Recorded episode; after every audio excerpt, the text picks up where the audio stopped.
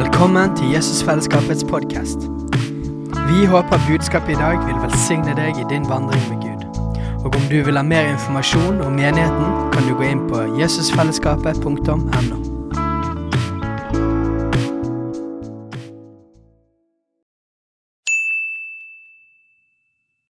Hei! Visste du at Jesusfellesskapet starter en ny bibelskole til høsten? Den heter Jesusskolen og starter den 3. september. Gå inn på jesusskolen.no for mer informasjon.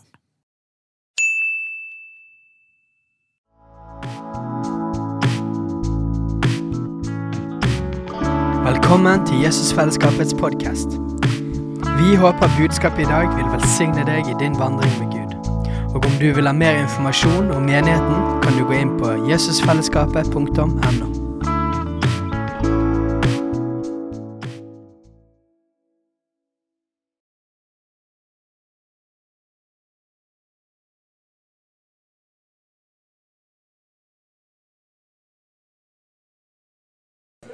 Hei. Og hei, René. Jeg kom på, jeg, når jeg så deg, kapsen din er hjemme hos oss. Det skal vi fikse på en gang. Det var en veldig kul kaps. Jeg, jeg, har jo mye kapser. Så har jeg en veldig, Mine er så utslitt. Og det er en som var veldig fin og utslitt. Det er ikke min. Men det er altså René sin. Amen. Det var litt triviell informasjon. Yes, vi, eh, vi er i, eh, fortsatt i temaet 'Det store oppdraget'. Det kommer vi til å fortsette med i lang tid. Og eh, det vi mener med det store oppdraget, er at Jesus ga sin menighet, sitt folk, et oppdrag om å forkynne evangeliet i hele verden. Og demonstrere evangeliet. Og å gjøre disipler. Og Vi kan finne dette her i Markus 16 og i Matteus 28. Da. Så vi som eh, Guds menighet på hele jorden har fått dette oppdraget, og det er i høyeste grad levende fortsatt, så vi går systematisk gjennom hvordan forkynne evangeliet, hvordan demonstrere evangeliet, og så skal vi etter hvert òg gå veldig konkret gjennom hvordan gjøre disipler, hvordan trene disipler. Yes? Så dette trenger jo vi å ha på plass som kristne. Så fokuset akkurat nå er Vi har kommet til det med å demonstrere evangeliet. Hva betyr demonstrere? Det, vi tenker kanskje på sånne demonstrasjoner. Spesielt i USA for tiden er det jo mye av de. Eh, men ikke sånne demonstrasjoner vi snakker om. Det er altså å vise på en fysisk, praktisk måte. Vise evangeliet. Eh, jeg kan jo lese begynner med å lese Markus 16 igjen. Markus 16, 15 står det Og han sa til dem, gå ut i all verden og forkynn evangeliet for all skapningen. Den som tror og blir døpt, skal bli frelst. Men den som ikke tror, skal bli fordømt. Og disse tegn skal følge dem som tror. I mitt navn skal de drive ut onde ånder. De skal tale med tunger. De skal ta slanger i hendene og om de drikker dødelig gift, skal det ikke skade dem. For syke skal de legge sine hender, og de skal bli helbredet. Det står det òg i vers 20, siste verset i Markus. Der står det at Men de gikk ut og forkynte overalt, og Herren virket med og stadfestet ordet ved de tegn som fulgte med. Så der har du demonstrasjonen. sant? De tegn som fulgte med. Herren stadfestet ordet. Så vi skal forkynne evangeliet, vi skal demonstrere evangeliet. Og vi, eh, For å gjøre det praktisk så eh, bruker vi noe som heter Lukas 10-modellen. og Det er jo basically bare å ta noen prinsipper ut fra Lukas 10, men vi ser det gjennom hele Nytestamentet. Og, eh, og det er rett og slett å be for mennesker som ikke kjenner Jesus. Det gjorde vi jo akkurat. Og vi anbefaler alle å ha noen folk som man ber jevnlig for. Daglig er super, men, men vær i bønn for dem. For når vi ber, så gjør Gud noe med vårt hjerte. Det er jo én ting. Han, vi får smake mer av hans kjærlighet for mennesker. Så vi, vi blir mer koblet på hans hjerte. Og i tillegg til det så jobber han med deres hjerter. Og når vi bør, så kobler vi oss på. Vi samarbeider med Gud i bønn. Så i bønn så jobber han med oss, og han jobber med de. Og neste steg, etter å be og velsigne mennesker som, som ikke er kristne Vi skal selvfølgelig be for folk som er kristne, men dette er jo i kontekst av å nå ut med evangeliet.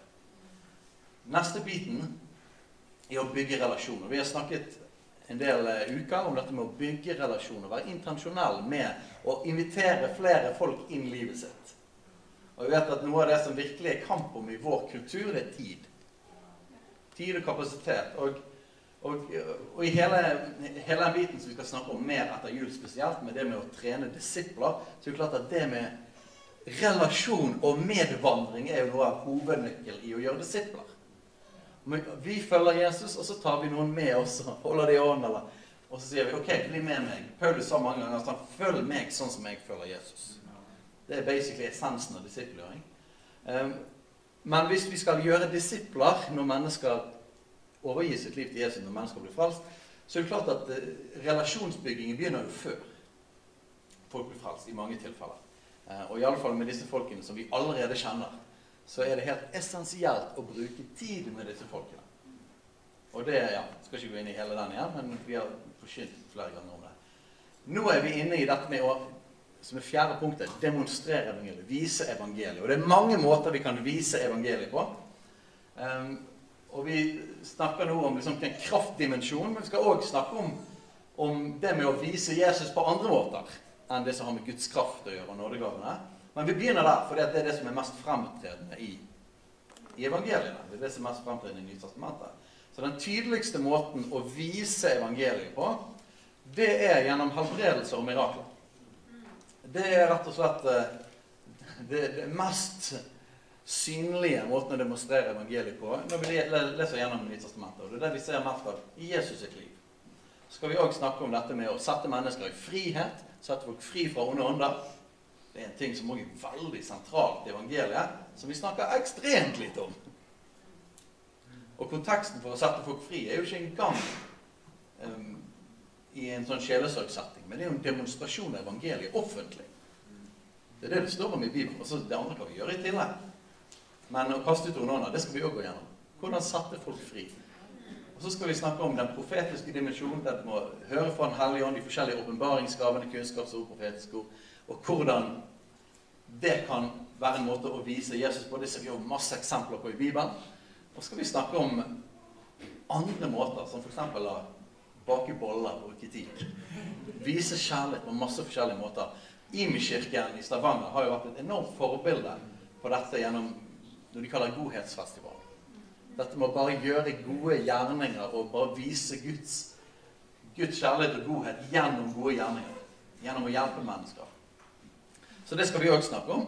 Og etter vi er ferdig med det med demonstrasjon av evangeliet, skal vi gå inn på det å forkynne evangeliet. Så hvordan deler vi evangeliet? Eh, så alle disse tingene kommer vi til å gjøre systematisk. Men eh, sist søndag så begynte Fredrik på det med helbredelse. Eh, og vi skal fortsette med det noen uker. Fordi at um, helbredelse, det er For det første så er det utrolig sentralt i Bibelen. For det andre så er det utrolig kontroversielt. For det tredje så er det utrolig mye følelser tilknyttet til akkurat dette temaet. Så det er mange andre ting, f.eks. litt sånn derre eh, Bake boller til naboen. Utrolig kraftfullt. Jeg har veldig tro på det. Katrine er veldig god på det, gjør det ofte. Men det er ikke veldig kontroversielt. Jeg har ikke hørt liksom eh, Ikke masse leserinnlegg i dag mot folk som baker boller. Sant? Men helbredelse er kontroversielt. Så vi trenger å gå gjennom det grundig. Vi trenger å snakke om det ordentlig. Så eh, Fredrik hadde intro nummer én sist gang, og dette er intro nummer to. Neste søndag skal jeg undervise så godt som jeg kan det som jeg underviser på bibelskolen, har undervist sånn ca. ti timer. Skal jeg prøve å undervise på under én. Men det er altså teologien. Gå gjennom Er det Guds vilje å helbrede syke? Og gå gjennom det teologisk. For vi trenger å ha fundament i Guds ord på de tingene der. Hvis vi faktisk skal se disse tingene skje. Og det er jo målet. Det er jo poenget med at vi snakker om disse tingene. er At vi faktisk skal vise, demonstrere evangeliet med kraft sånn at syke blir helbredet, som mirakler skjer. Sånn at det åpner vei. Det er jo et mål i seg sjøl fordi at Jesus vil helbrede mennesker. Men det er òg noe som åpner en dør for evangeliet. Og dette kan vi se altså gjennom hele Det nye testamentet. En veldig, veldig sentral ting. Nå er det sånn at um, vår menighet, vårt miljø, bibelskolen uh, For en del år siden så var jo dette med helbredelse var jo kanskje det vi var mest kjent for. Og det var en veldig sterk del av, av, av liksom vårt fokus og forkynte, hva vi praktiserte. Um, og så er det jo sånn at Man går gjennom forskjellige sesonger, og, og noe av det er jo det at Den hellige ånd vil gjerne løfte opp andre ting òg. Og så er det en periode der Gud trykker på veldig med noe, og så, så, så fokuserer han gjerne på noe annet. For vi ønsker jo å forkynne hele Guds råd. Vi ønsker så bredt som mulig representere evangeliet. sant? Jesus. Så en del av det er sesonger. Noe annet er òg det at for noen år siden så hadde vi en veldig vanskelig situasjon i menigheten. En krise i menigheten. Som gjorde at basically det meste av det som var veldig sånn sterk kultur av IR, det er liksom nesten alt døde. Menigheten nesten bare det er nesten pulverisert. Og fra, fra det Etter det så har det egentlig vært det vi holder på med, å bygge opp igjen grunnmuren.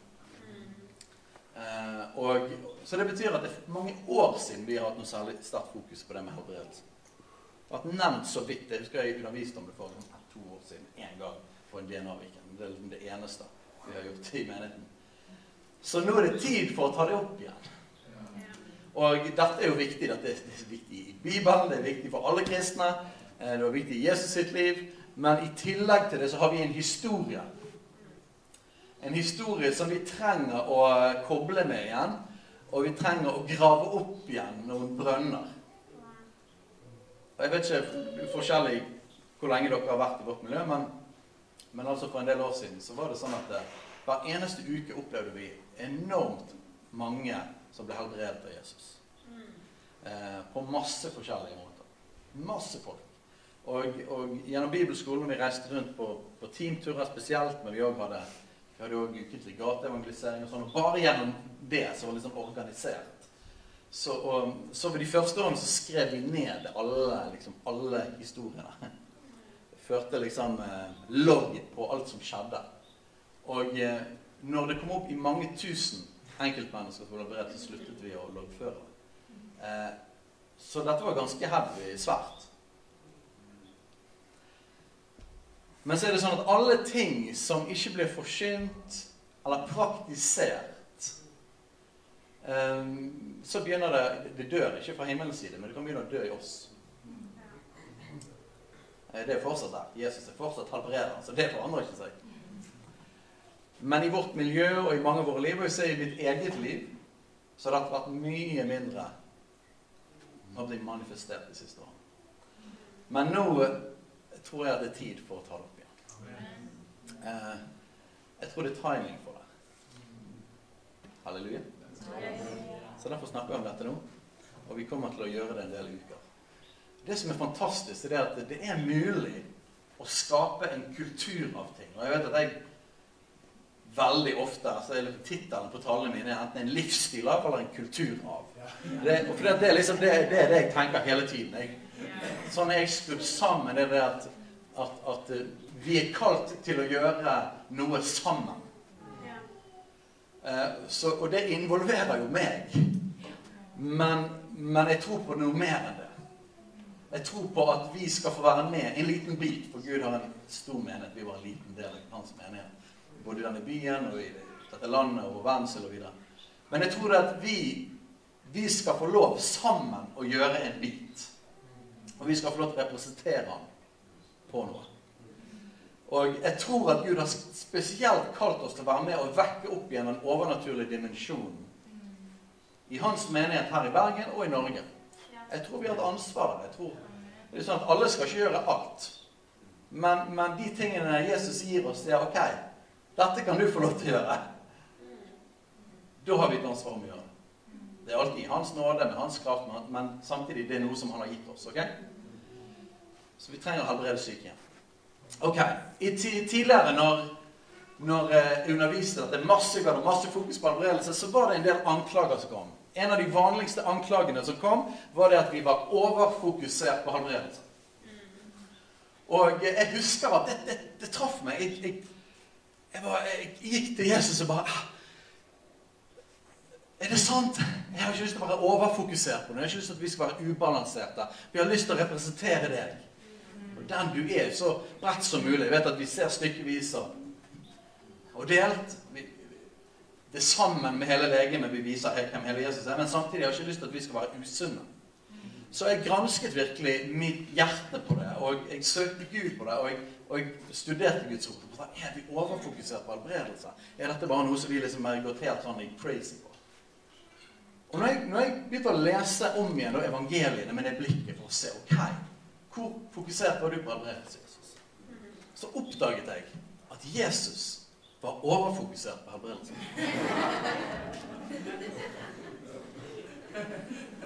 Nå kan ikke Jesus være overfokusert på noe, for han er jo standard. Men det er ingenting Jesus var mer kjent for i de tre årene før han døde og sto opp igjen. Ingenting han var mer kjent for enn helbredssyke. Det var ingenting som samlet flere folk enn at Jesus gjorde mirakler. Og hvis du, hvis du, spør rundt omkring i verden, til og med nå etter 2000 år Har du hørt om eh, Det var en fyr som het Jesus, og han gjorde mirakler og helbredet syke. Så vil de aller fleste huske om du ikke er kristen, om de har hørt om Jesus, så kjenner de Jesus som helbreder. Til og med muslimene tror på Jesus som helbreder. Jesus var veldig fokusert på helbredelse. Jeg bruker ordet 'fokusert', for det var liksom en del av ordene av anklagelser vi fikk, at vi var overfokusert. Men dette var en ekstremt stor del av hans tjeneste. Han sto fram, han forkynte evangeliet om riket, og så helbredet han alle som var syke. Og så I tillegg til det kastet han ut onde ånder og gjorde en del andre ting, og så underviste han. Men helbredelse var nesten overskriften over Jesus' tjeneste. Og da vet vi det at Selvfølgelig det viktigste Jesus gjorde, var at han døde for hele verdens synder. og sto opp fra de døde. Men hvis vi skal ligne på Jesus, så kommer ikke vi unna dette temaet. Og jeg skal love dere at det er så mange andre ting jeg heller kunne liksom fokusert på, for det hadde vært mer behagelig. Dette er nesten noe av det mest ubehagelige området å gå inn i. For det koster noe det koster noe meg. Det går inn i massevis av sånne vepsebol. Det trigger masse følelser. Det er så mye greier rundt det. Men hvis vi skal følge Jesus, så kommer ikke vi unna tegn, under og helbredelser. Men nesten jeg har lyst til å bare si det liksom ti minutter. Bare for at vi skal bli vant med helbrede de syke, mirakler. For det er nesten som når man sier liksom, mirakler og tegn under, så tenker vi på en eller annen amerikansk predikant. Men vi assosierer ikke det i like stor grad med Jesus. Altså, vi, vi, vi gjør det til en sånn her eh, ekstra kristengreie. Noen liksom Ubalanserte kristne fokuserer veldig mye på. Nei, dette var, dette var overskriften over Jesus' tjeneste. Han helbredet de syke. Han helbredet de syke. Det betyr at hvis hvis vi helbreder syke i hytt og pine, så er ikke vi ubalansert. Nei, vi er mer lik originalen. Faktisk er det sånn at siden han er originalen, og siden ordet er originalen, så er det faktisk sånn at vi er usunne når vi har lite fokus på helbredelse. Det er sannhet. Så da hjelper det veldig lite hva jeg og du føler rundt dette temaet. Fordi at Jesus, det er han vi følger. Det er han som har frelst oss. Det er han vi sang til. Jeshua, om igjen, om igjen, han er som reddet oss. Han er vår frihet, han er vår frelse, han er vår alt sammen. Han åpnet veien til Faderen. Han, han er den vi følger. Og hvis Jesus fokuserer på noe, da må vi fokusere på det. Så helbredelse er viktig. Mirakler er viktig. Mirakler er kjempeviktig. Og i konteksten av å se mennesker frelst oppdaget de en annen ting. Når jeg studerte evangeliene, spesielt på dette, evangeliene og Apostels gjerninger, det var det at det er få historier i evangeliene og Apostels gjerninger der folk blir frelst, der det ikke var mirakler til stede. Få. De aller, aller fleste historiene om folk blir frelst, så er det i konteksten av helbredelse av mirakler eller en annen overnaturlig ting. For eksempel, sånn som pinsedag, så var det en det var ild som kom ned fra himmelen, og så var det vind som samlet tusen av mennesker. Sånn, det er få eksempler på folk som blir frelst i Bibelen uten at det er tegn under til stede. Det sier noe om hvor sentralt dette er. Hvis du snakker med de kinesiske kristne og spør hvorfor er det så mange som blir frelst Vekkelsen i Kina er jo i antall den største vekkelsen i historien. Det er jo fordi det bor mye flere mennesker på jorden nå enn før, og veldig mange i Kina. Så når du først kjenner der, så, så får det historisk betydning. Du snakker med kinesiske kristne og du spør hvordan er det folk blir frelst, så sier de de fleste blir frelst gjennom at de blir helbredet. Eller at noen i familien de blir, de blir helbredet. Dette, det, sånn har det vært hele tiden.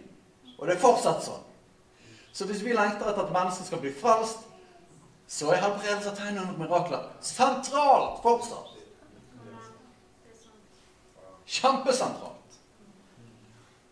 Og jeg tror det at Guds menighet i Vesten har jo i stor grad fordi vi mangler den overnaturlige dimensjonen, så har vi prøvd å kompensere med noe annet. Og Det kan være forskjellige typer ideer og strategier. Men, men, det er dumt å hoppe over liksom, de sentrale tingene og begynne på trivielle ting. For eksempel røykemaskin er en ganske triviell ting. Det er ikke, det er ikke galt. Sant?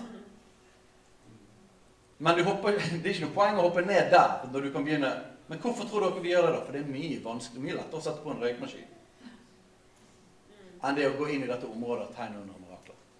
Så hvorfor er det det, da? Jo, det er jo fordi at vi alle har vært syke. Ikke Jeg tipper iallfall alle her har vært syke.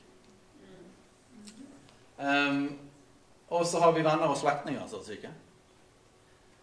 Og, og, og, kanskje sånne grunner som at Katrine hun er hjemme i dag fordi at hun er syk. Skal jeg snakke om helbredelse, da? Eh, og mer alvorlige ting, da. Vi har mennesker gjerne som vi har mistet i alvorlig sykdom. Sant? Vi har en mor, en søster, en bror som har vært syk eller kronisk syk. Vi har, vi har folk som vi var glad i, som vi ba for, som døde. Eller som fortsatt er syk. Er ikke dette riktig? Så når vi snakker om helbredelse, så toucher det alle de tingene der. Og da er det lettest å unngå det.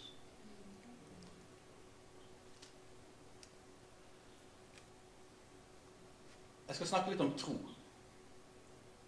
For det er veldig vanskelig å lese om Jesus og helbredelse og ikke komme inn i det med tro. Og det er jo enda mer kontroversielt.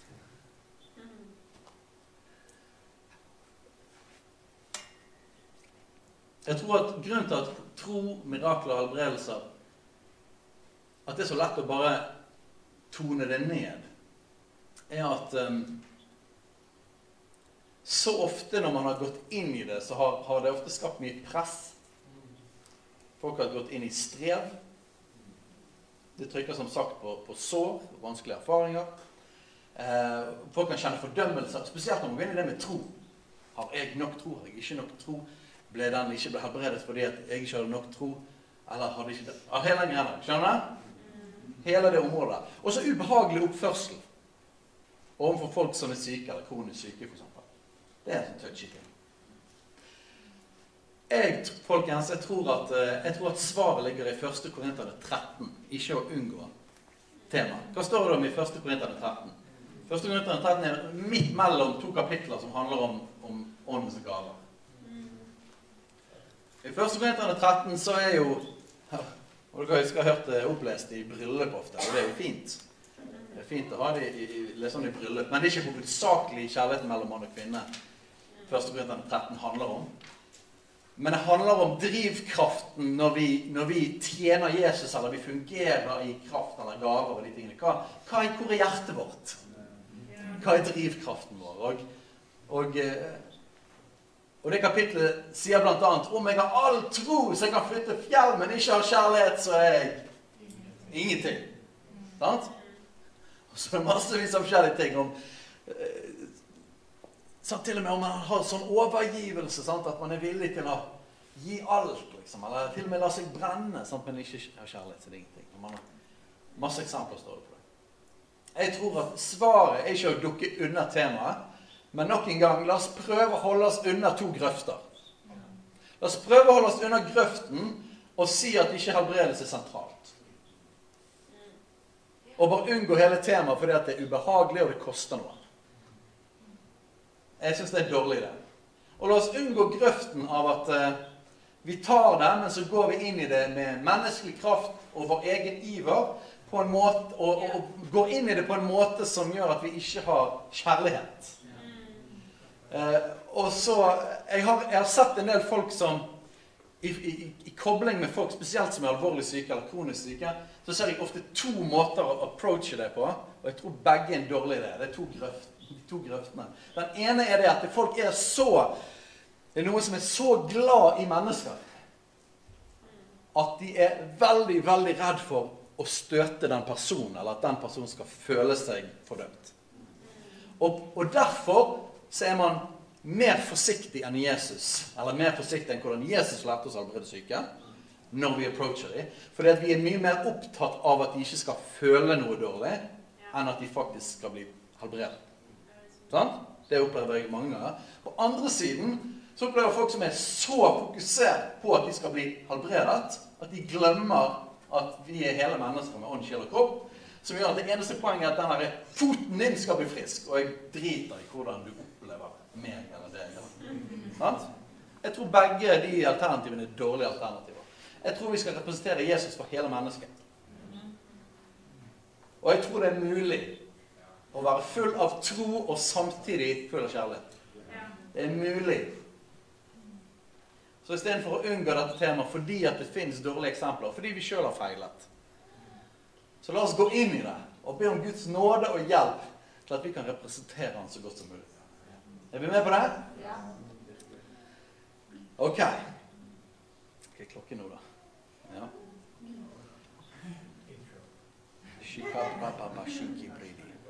Jesus, vi ber at du hjelper oss i dette her. For det vi ønsker, det er at vi, vi ønsker å representere, dere, representere deg og ditt rike. Og vi ønsker at, eh, at når man kommer i nærheten av oss, så skal man få en smak av deg. Og vi erkjenner Gud. At dette med tegn og under helbredelser, der har ikke vi representert deg godt. Og jeg takker for din nåde og din kjærlighet. Og at du elsker oss, og at du har tro på oss. Men du elsker oss også så høyt at du ikke vil la oss forbli i den tilstanden. Og du vil hjelpe oss videre. Så takk for at du vil komme med din nåde over oss, til at vi kan begynne å representere deg bedre på denne måten. Gud, la folk bli helbredet og satt fri rundt oss. La det være en forskjell når vi er i. Jeg hadde tenkt å snakke om det, men nå, jeg nevnt det sitt, men nå bare tar vi det i bønn i stedet. Gud, vi tar alle skuffelser. Alle dårlige erfaringer. Alle ting vi ikke forstår. Og Istedenfor å tviholde på de sjøl og beskytte oss sjøl med disse tingene, så, så ber jeg at du hjelper oss å gi dem til deg. Jeg vil gi det til deg, Gud. Jeg gir alle spørsmål, alle ting jeg ikke forstår. Alle skuffelser. Jeg sier, ta det, Gud. Hjelp meg å tro ditt ord. På tross av negativ erfaring. I Jesu navn. Folkens, i Markus 16 og Matteus 13 Prøv å gjøre litt raskt. Jeg parafraserer. Jeg vet hva som står der Du kan slå opp hvis du har lyst. Der står det om når Jesus var i Nasaret, altså sin hjemby. Um, og uh, det var liksom den dårligste misjonsturen han hadde. Når han kom til Nasaret, så sa de ikke dette er tømmermannens sønn. Kjenner ikke du brødrene hans? Uh, og mange foraktet Jesus. Og så står det noe interessant på slutten av de historien der både i Markus og Matteus. Det står det at han kunne ikke gjøre noen mektige gjerninger der. Han kunne bare helbrede noen få syke. Og så står det I Markus står det at han undret seg på grunn av deres vantro.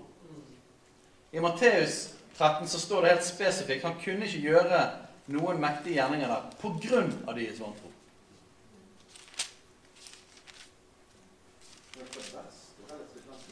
Ja. Vi kan ta det siste. Ta 13. Eh, Matteus 13. 58. det er Matteusen siste sitter verset der. Han kunne ikke gjøre mange kraftige gjerninger der pga. deres vantro.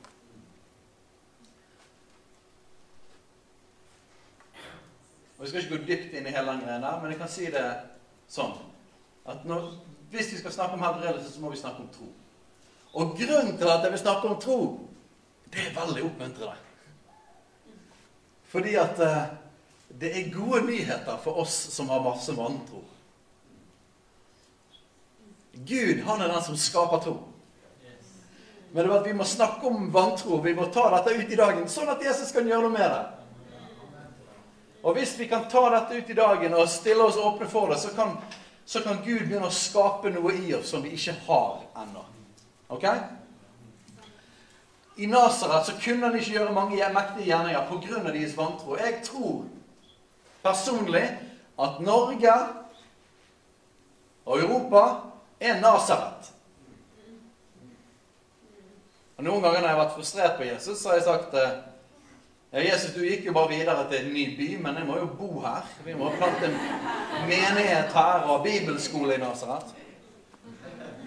Men Gud har kalt oss til å være med og forandre Nasaret. Et sted der det var mer tro og forventning, var Kapernaum. Jeg, jeg lengter etter å se vår menighet og vår by og vårt land og vår verdensdel gå fra Nasaret til Kapernaum. Jeg mener ikke Kapernaum på alle ting, fordi at eh, Jesus kom kom litt formaninger på slutten med de òg. Så ikke ta den biten. Men å snakke om akkurat det med tro. ok?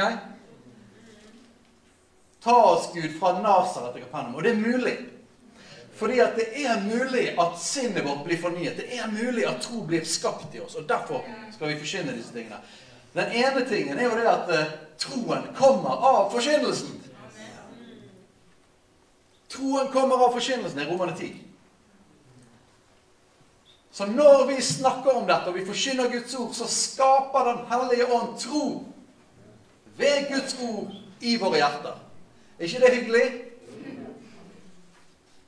Vi trenger ikke å produsere tro, vi trenger ikke å ta sammen eller rive oss i håret for tro. Det vi trenger, det er å utsette oss for det som skaper tro. Vi kan posisjonere oss sånn at Han som skaper tro, treffer oss. Og vi kan òg ta hjertet vårt, eller de vanskelige områdene, sammen. at vi kan ta, og istedenfor å dekke de til, så kan vi stille de åpne for ham. Og si at 'Gud, gjør noe med dette her'. Ta og Gjør noe med det. Det kan vi gjøre. Vi kan velge å ikke forherde oss eller løpe vekk eller dekke det til. Men troen kommer av forkynnelsen, og forkynnelsen kommer av Kristi ord. Guds ord. Så når vi forkynner Guds ord, så skaper det tro. Hvorfor det? da? Fordi at alt blir skapt ved Guds ord. Hebreerne 11,3 står det at ved tro skjønner vi at verden er skapt ved Guds ord, og at alt det synlige er blitt til av det usynlige. Guds ord er levende og virksomt og skarpere enn noe tveegget sverd. Det trenger gjennom til det kløver sjel og ånd og ledd og mag og dømmer hjertets tanker og råd. Guds ord skaper det det sier. Gud sa 'bli lys', og det ble lys. Mørket tenkte ikke å gjøre så mye. Tenkte bare å være der og høre Gud si 'bli lys'. Ok? Så hvordan skape en kultur av tegn og under og mirakler? Ja, En av de viktige tingene er at vi utsetter oss for forkynnelse. Og på dette spesifikt om tegn under helbredelse. Dette funker på alle områder. Men Guds ord skaper. Så bare ved at vi begynner å ta opp disse tingene og snakke om det, forkynne Guds ord på det, så skaper det noe hos oss. Er ikke det fantastisk? Det er Guds nåde, det er Guds ånd, og han skaper det i oss. Så la oss bare Det eneste vi trenger å gjøre, er jeg vil ikke løpe vekk fra det, jeg vil ikke forherre meg. Og hvis du sier 'ja, jeg er med on the ride', og jeg vil gi hjertet mitt til Jesus og la ham få jobbe med det, det som eventuelt er vanskelig her, og, og, så lenge du posisjonerer deg for å høre Guds ord forkynt om disse tingene, så vil det skje noe. Og det som er gøy, det er det at eh, hver enkelt av oss har en individuell vandring på disse tingene. Gud jobber med oss og våre hjerter. Og Jesus sier veldig mange ganger når han helbreder folk, så sier han det skjer deg etter din tro. Han snakker om deres personlige tro. Men samtidig så fins det noe som heter kollektiv tro. Eller en atmosfære av tro. Og dette er oppmuntrende, for det går an å leve i et land med en sånn kollektiv vantro, sånn som vi gjør. Men så kan vi òg som en gjeng skape, være med og la Gud skape hos oss en atmosfære av tro. Som gjør det at det er liksom ikke bare du og Jesus, det er oss, og vi kan gå en vandring sammen. Og det som skjer, det er at når For dette kommer til å skje.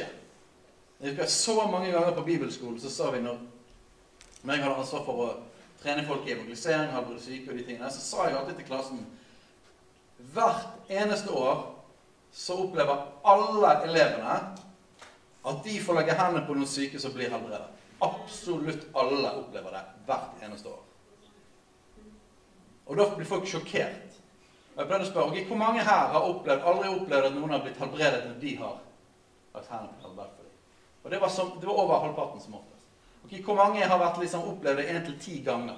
Det var basically resten. Det er nesten ingen som har opplevd det mer enn det. Altså at dette året kommer alle sammen. Og det skjedde hvert år. Og jeg, for jeg vet hvordan Guds rike fungerer på disse tingene.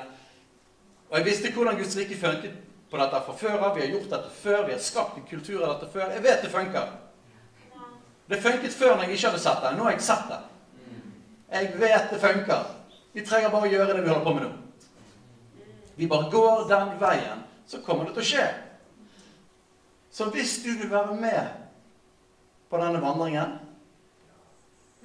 så kommer vi til å begynne å se tegn under helbredelser. At Jesus har allerede dødd for sykdom. Han har allerede demonstrert på det. Er, han er allerede helbredet. Så det handler mer om vår prosess til å være koblet på det han allerede har gjort. Er ikke det oppmuntrende? Uansett hvor mye vantro. Han er den som fikser sånt. Så la oss være med på den vandringen sammen. Det, vet du hva, det er bare mer tro her nå, bare, bare de siste minuttene. Ikke at vi har gjort noe. Vi bare forkynner Guds ord. Så skaper Den hellige ånd i oss. Ikke gjør tro til noe stress. Faktisk vil jeg si at tro og stress er motsatt av hverandre. Stress er koblet på vår kraft.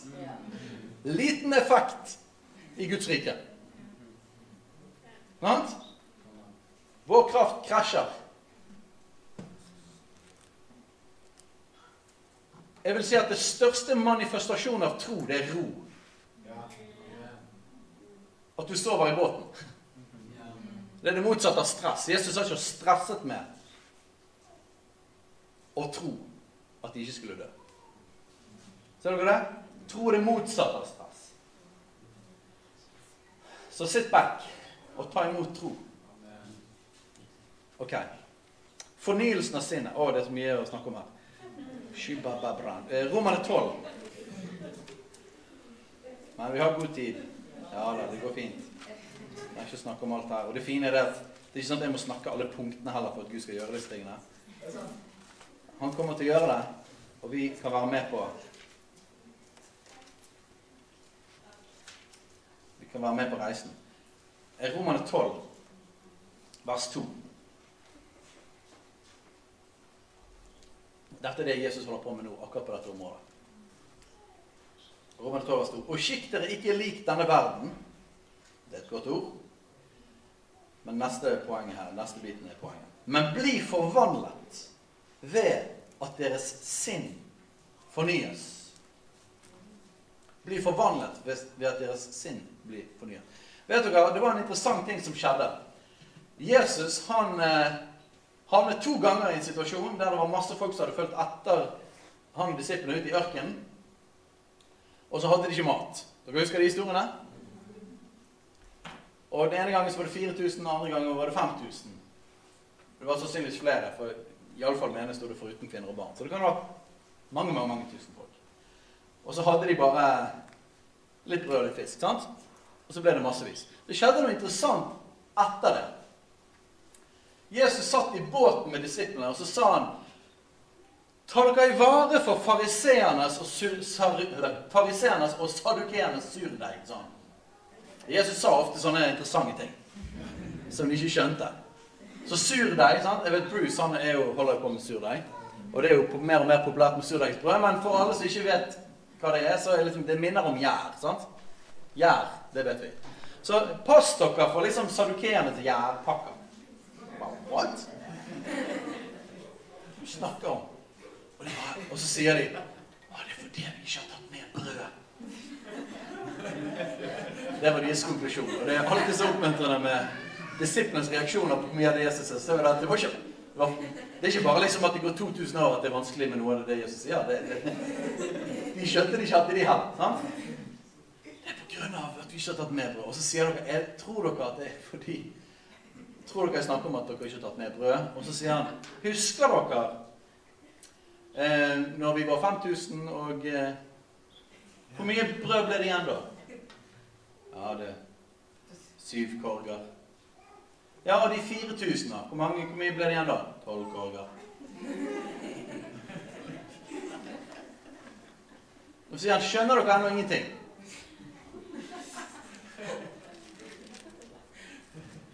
Skal lese helt nøyaktig. Matteus, Det står i Matteus 15 og 16. Jeg skal lese akkurat siste Det går kjappere å parafrasere, men jeg vil at dere skal se at det er sant det jeg sier. Matteus 16. Men dette her er spennende, folkens, for det handler om fornyelsen av vårt sinn. Og det handler om hva, hvordan Gud skaper tro i oss. I Matteus 15 på slutten her så står det om Jesus mattet 4000. Og i vers, kapittel 16, Matteus 16, um, vers 5, så står det at de kom over til andre siden, og de hadde disiplene hadde glemt å ta med brød. Og så sier ta det bare for å se Ja. Og det er fordi vi ikke har tatt med. Men dette, dette er den jeg vil dere skal bite, liksom, eller holde fast i det. er vers 9. Forstår dere ennå ikke? Forstår dere ennå ikke? Den er interessant. For det betyr at Jesus Nå var det jo sånn at Jesus snakket om noe helt annet enn brød. Men han tar nå tak i den tingen som de tar, at de var redd de med brød. Hva er det de ikke hadde forstått? De hadde ikke forstått det at det går helt fint å ikke ta med brød fordi at Jesus kan fikse det. Sant? Hva var det som skjedde sist gang vi var i den situasjonen? Hva var det som skjedde gangen før når vi var i den situasjonen? Så Jesus hadde en forventning om at erfaringen av når han grep inn, faktisk endret noe av måten de tenkte på. Så hva skaper tro, eller hva fornyer vårt sinn? Nummer én troen kommer av forkynnelsen, og forkynnelsen kommer av Kristi ord. Så forkynnelsen skaper det. Guds ord igjen treffer oss, og Guds ånd jobber i oss, og det skaper tro. En annen ting som fornyer vårt sinn og skaper tro, er rett og slett av at vi erfarer hans inngripen. Vi erfarer og vi får se at han gjorde noe. Og jeg vet at vi alle har vært i denne situasjonen. Vi har sittet i samme båten som disiplene her så mange ganger. Kan du huske en gang der det skjedde noe kjipt, og så begynte du å be Gud, please, hjelp meg i denne situasjonen. Og så er det akkurat samme situasjon som han har hjulpet deg i før. Er det noe som ble det noe? For eksempel Vaskemaskinen ble ødelagt. Og du har ikke penger. Sant? Og så var det en annen gang noe annet ble ødelagt, og så gikk det bra. Jo ikke? Er det noe som på dette? Det er samme greie. Skjønner dere ennå ingenting? Det betyr at det vi erfarer av Han når Han griper inn i livet vårt, det er ikke bare en enkelt tilfelle av at han gjør noe. Det er en historie med Han. Og alle ganger, alle ganger han gjør noe, så gjør han det ut fra den han er. Og han har ikke forandret seg. Er ikke det oppmuntrende? Det er ikke en sånn enkeltstående bare at der gikk søknaden min igjennom på den enkelte saken. Men det er ingen garanti for at jeg får godkjent neste gang. Nei, han, han griper inn i vårt liv basert på den han er. Og de tingene han allerede har betalt for, og det han allerede har gitt løfter om. Så det betyr at hvis han har gjort noe før, så betyr det at han vil gjøre det igjen. Så hvordan skapes tro i oss? Jo, tro skapes òg gjennom at vi ser. Nå er det sånn at Jesus sa dette til Thomas, jeg husker det når han puttet fingrene inn i hullene. Sant? Og han sa jo først da når, når Jesus ikke var der, sa han at hvis jeg ikke får, lov, får stikke fingrene mine inn i, i hendene og i siden, så vil jeg ikke tro. Husker du det? Thomas sa det? Ok. Og så uh, dukker Jesus opp seinere, og så får han stikke fingrene. Så Og så sier han 'Min Herre og min Gud'. Og så sier Jesus 'Ja, nå, nå tror du fordi at du fikk se'. Og så, og så sier han 'Men saligere er de som ikke ser, men tror'. Ok, Hva betyr det? Noen har jo tatt det som at eh, at det å erfare ting eller oppleve ting har ingenting med tro å gjøre. Det er ikke det riktig. Fordi at eh, det er ekstremt mange historier i Bibelen der det står at folk ble helbredet, f.eks. Og så står det at de kom til tro fordi at det skjedde noe. Så det betyr at det å erfare noe av Gud, det skaper faktisk tro. Ikke det? Så erfare noe skaper tro. Og faktisk er det sånn ut fra den historien om disse surdeigene at Jesus har faktisk en forventning om at når vi først har erfart ham gripe inn i noe, så skal det gjøre noe med måten vi tenker på. Så troen kommer av forkynnelse, og troen kommer òg av erfaring. Og Det som er oppmuntrende med det, det, ja, det hjelper jo veldig hvis de har ingen erfaring. Ja, For det første så har vi alle noe erfaring med Jesus. det er en ting. Men, men det som er hovedpoenget mitt i dette, er det at det som skjer når vi går inn i dette området, det er at noen folk begynner å ta steg i tro. Og så begynner mirakler å skje. Vet dere hva som skjer da? Da blir det en sånn dominoeffekt i kulturen i miljøet. Av at for det vi har opplevd én gang, så har vi mer tro. Og på samme måte som når vi aldri praktiserer det, og det går, vi forkynner ikke om det, vi praktiserer ikke det, og vi opplever det ikke, så går det ned. sant? Basically er det sånn det har vært de siste årene. Men nå begynner vi å forkynne om det, så vi begynner å praktisere det, og så begynner vi å erfare det. Og det som skjer, er at flere og flere av oss får erfare at Jesus faktisk fortsatt er helbreder. Og da skapes mer og mer og mer tro. Så det er veldig kort vei fra at vi lever et liv der vi aldri opplever disse tingene, til at vi lever et liv der, der dette skjer hele tiden. Er ikke det oppmuntrende? Og jeg har sett dette skje mange ganger. Når vi begynner å erfare, så er det akkurat som at det er bensin på bålet. Men først handler vi uten å se. Og så begynner vi å erfare, og så er det bensin på bålet. Ok. En siste ting. Troen kommer av forkynnelsen. Fornyelsen av sinnet. Tro kommer av erfaring. Når vi tror i smått, blir vi satt være større. Er ikke det oppmuntrende? Det er poenget mitt i dag. Å oppmuntre. Oppmuntre dere på dette området her. Så ofte er det sånn at ting som vi tror er en stor klippe, det er ikke det. Og dette er ikke det. Det er bare Fienden prøver å sette en sånn herre jeg hadde ikke tenkt å ta det, men jeg tar det, tar det bildet. Det var en gang det var en veldig vanskelig ting som hadde skjedd. Det var en relasjonell greie. Som hadde skjedd i nabolaget vi bodde før. Og så husker vi ba om det, og jeg følte det var sånn totalt overveldende, umulig situasjon. Og så husker jeg vi ba sammen. Og mens vi ba, så så jeg i ånden så så jeg akkurat en sånn stor borg. Sant? En stor festning. Men så tok Den hellige ånd meg fra liksom der jeg sto. Jeg sto liksom rett foran, og den var gigantisk. Så tok Den hellige ånd meg på siden, og så så jeg at det var bare en tynn kulisse. Det var bare sånn teaterkulisse. Og så kunne du bare skubbe ned. Sånn er det i forhold til vantro og dette med tegn under. og sånt. Vi tror at det er sånn vanskelig, komplisert Nei, det er ikke det. Det er ikke det. Det skal lite til. Og vet du hva som er oppmuntrende med det? Det er ikke liksom bare det at ja, ja, da, ja, så fint, da gjør vi det. liksom, Da helbreder vi syke. Det har kjempeeffekt i forhold til å bringe Guds rike til verden. Kjempeeffekt. Halleluja. Når vi tror i smått, blir vi satt å større. Det er et prinsipp i Guds rike som er så oppmuntrende. Hvis vi tar det som Gud har gitt oss, eller vi tar den lille tro som vi har, og så handler vi på den, så vil det vokse. Det vil vokse. En annen ting som skaper tro, det er vitnesbyrd. Nå hadde jeg glemt å få noen til å ha vitnesbyrd i dag, så det sto vitnesbyrd og blenk på programmet. Men vi skal begynne å fylle søndager med vitnesbyrd. Vet du hva det er at eh, noen sier at nei, vi skal ikke fortelle om det Jesus gjør.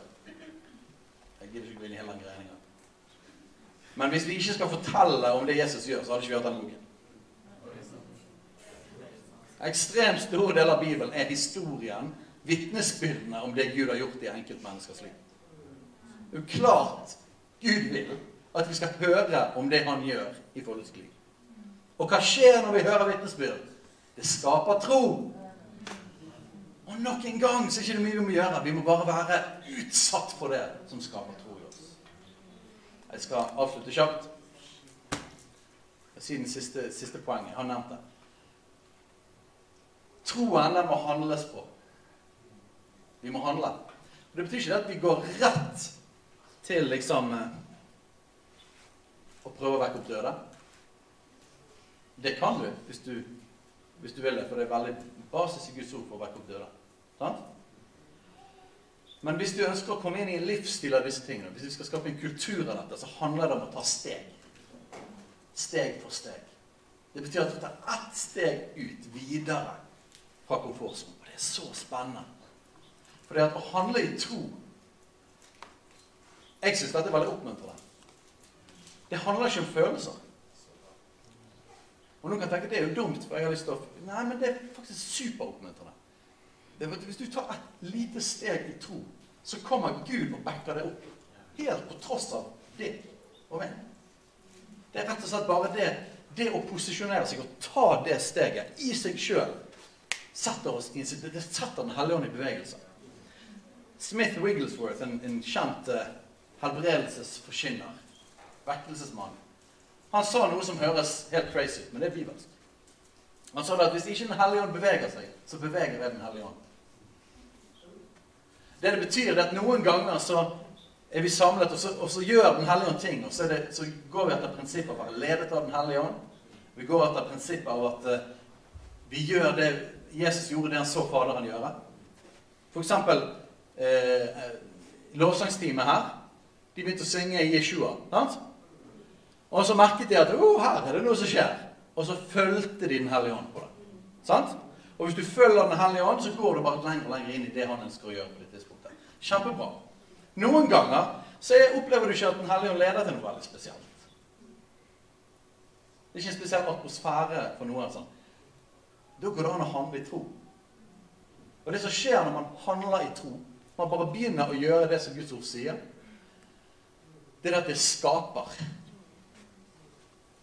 Handling, Liten handling i tro, det åpner døren for det overnaturlige. Ok. Dette var en liten sånn intro nummer to på helbredelse. Jeg skal ta ett vers til slutt. Det er Apostels gjerninger 1038.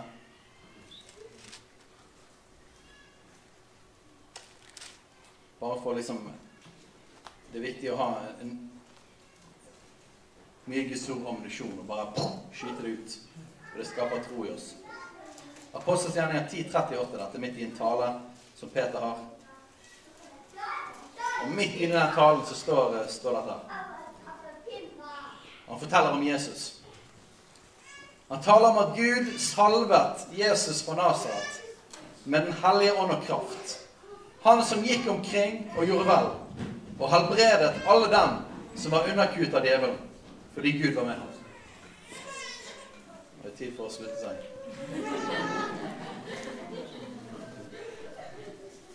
Han gikk omkring og gjorde vel og helbredet alle som var underkuet av djevelen, fordi Gud var med ham. Ok, folkens, la oss reise oss opp.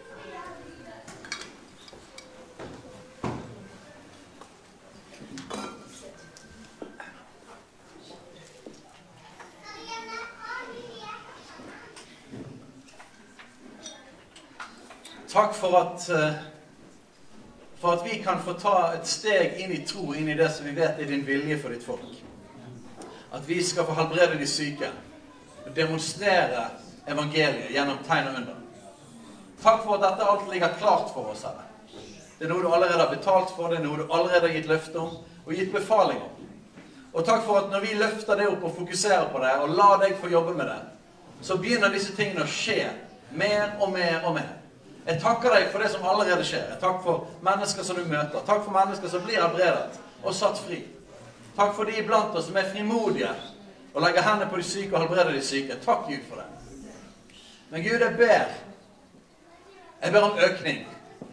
Og jeg ber om at du skal ta oss i hånden og la oss gå skritt for skritt inn i den verden, her.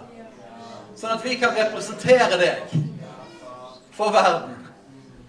Så jeg takker deg, Jesus, for at du skal få jobbe med hver enkelts dårlige erfaringer. Og at du helbreder dem. Og så ber jeg at du minner oss om de tingene vi faktisk har satt.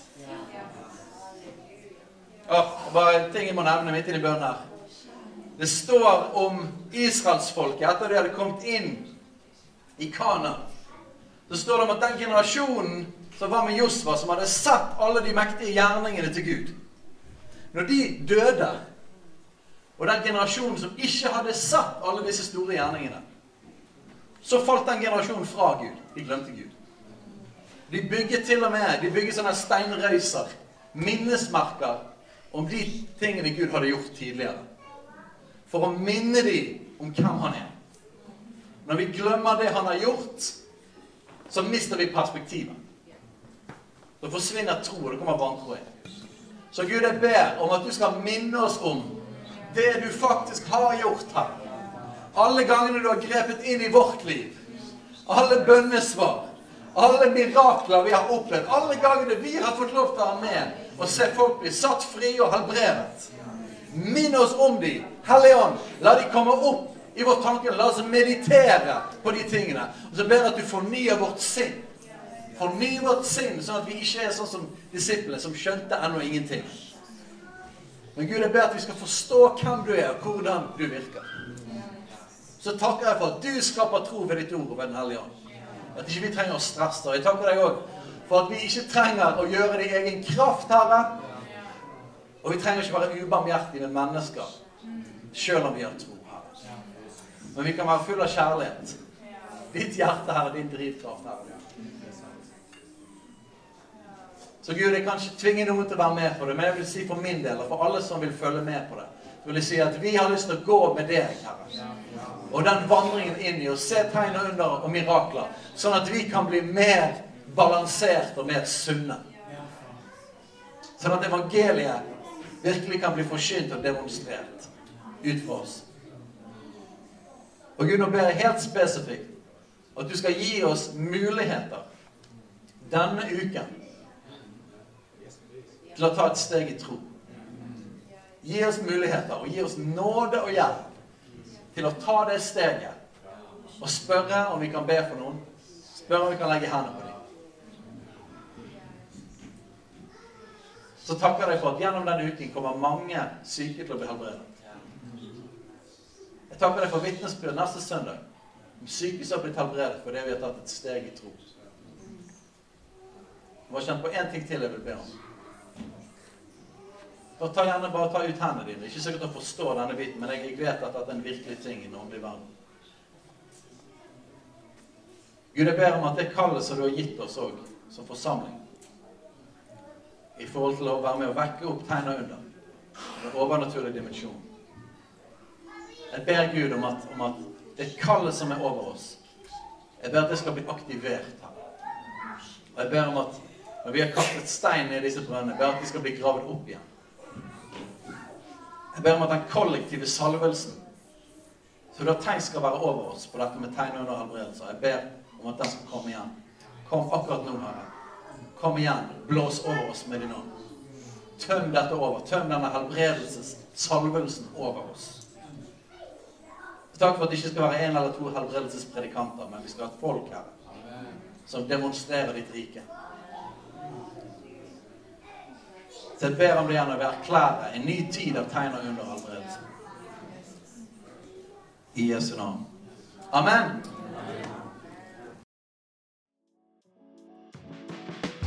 Hei, alle sammen. Det er Katrine og Steinar Lofnes her. Vi er hovedledere for Jesusfellesskapet. Så kjekt du har lyttet til denne podkasten. Har du forresten hørt noen av de andre podkastene våre?